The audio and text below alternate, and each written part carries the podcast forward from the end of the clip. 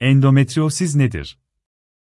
Endometriosis, rahim içinde bulunan endometrium adı verilen ve her adet kanaması döneminde bir kısmı dökülerek atılan dokunun bulunması gereken yer haricinde farklı bir yerde bulunması durumudur.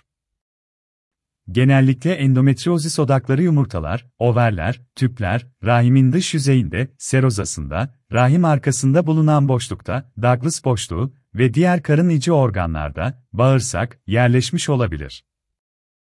En sık cinsel ilişki sırasında ağrı, disparoni ve adet dönemi sancı, dismenore, infertilite şikayetlerine neden olmaktadır. Uzun süreli tedavi ve takip gerektiren jinekolojik hastalıklardan birisidir.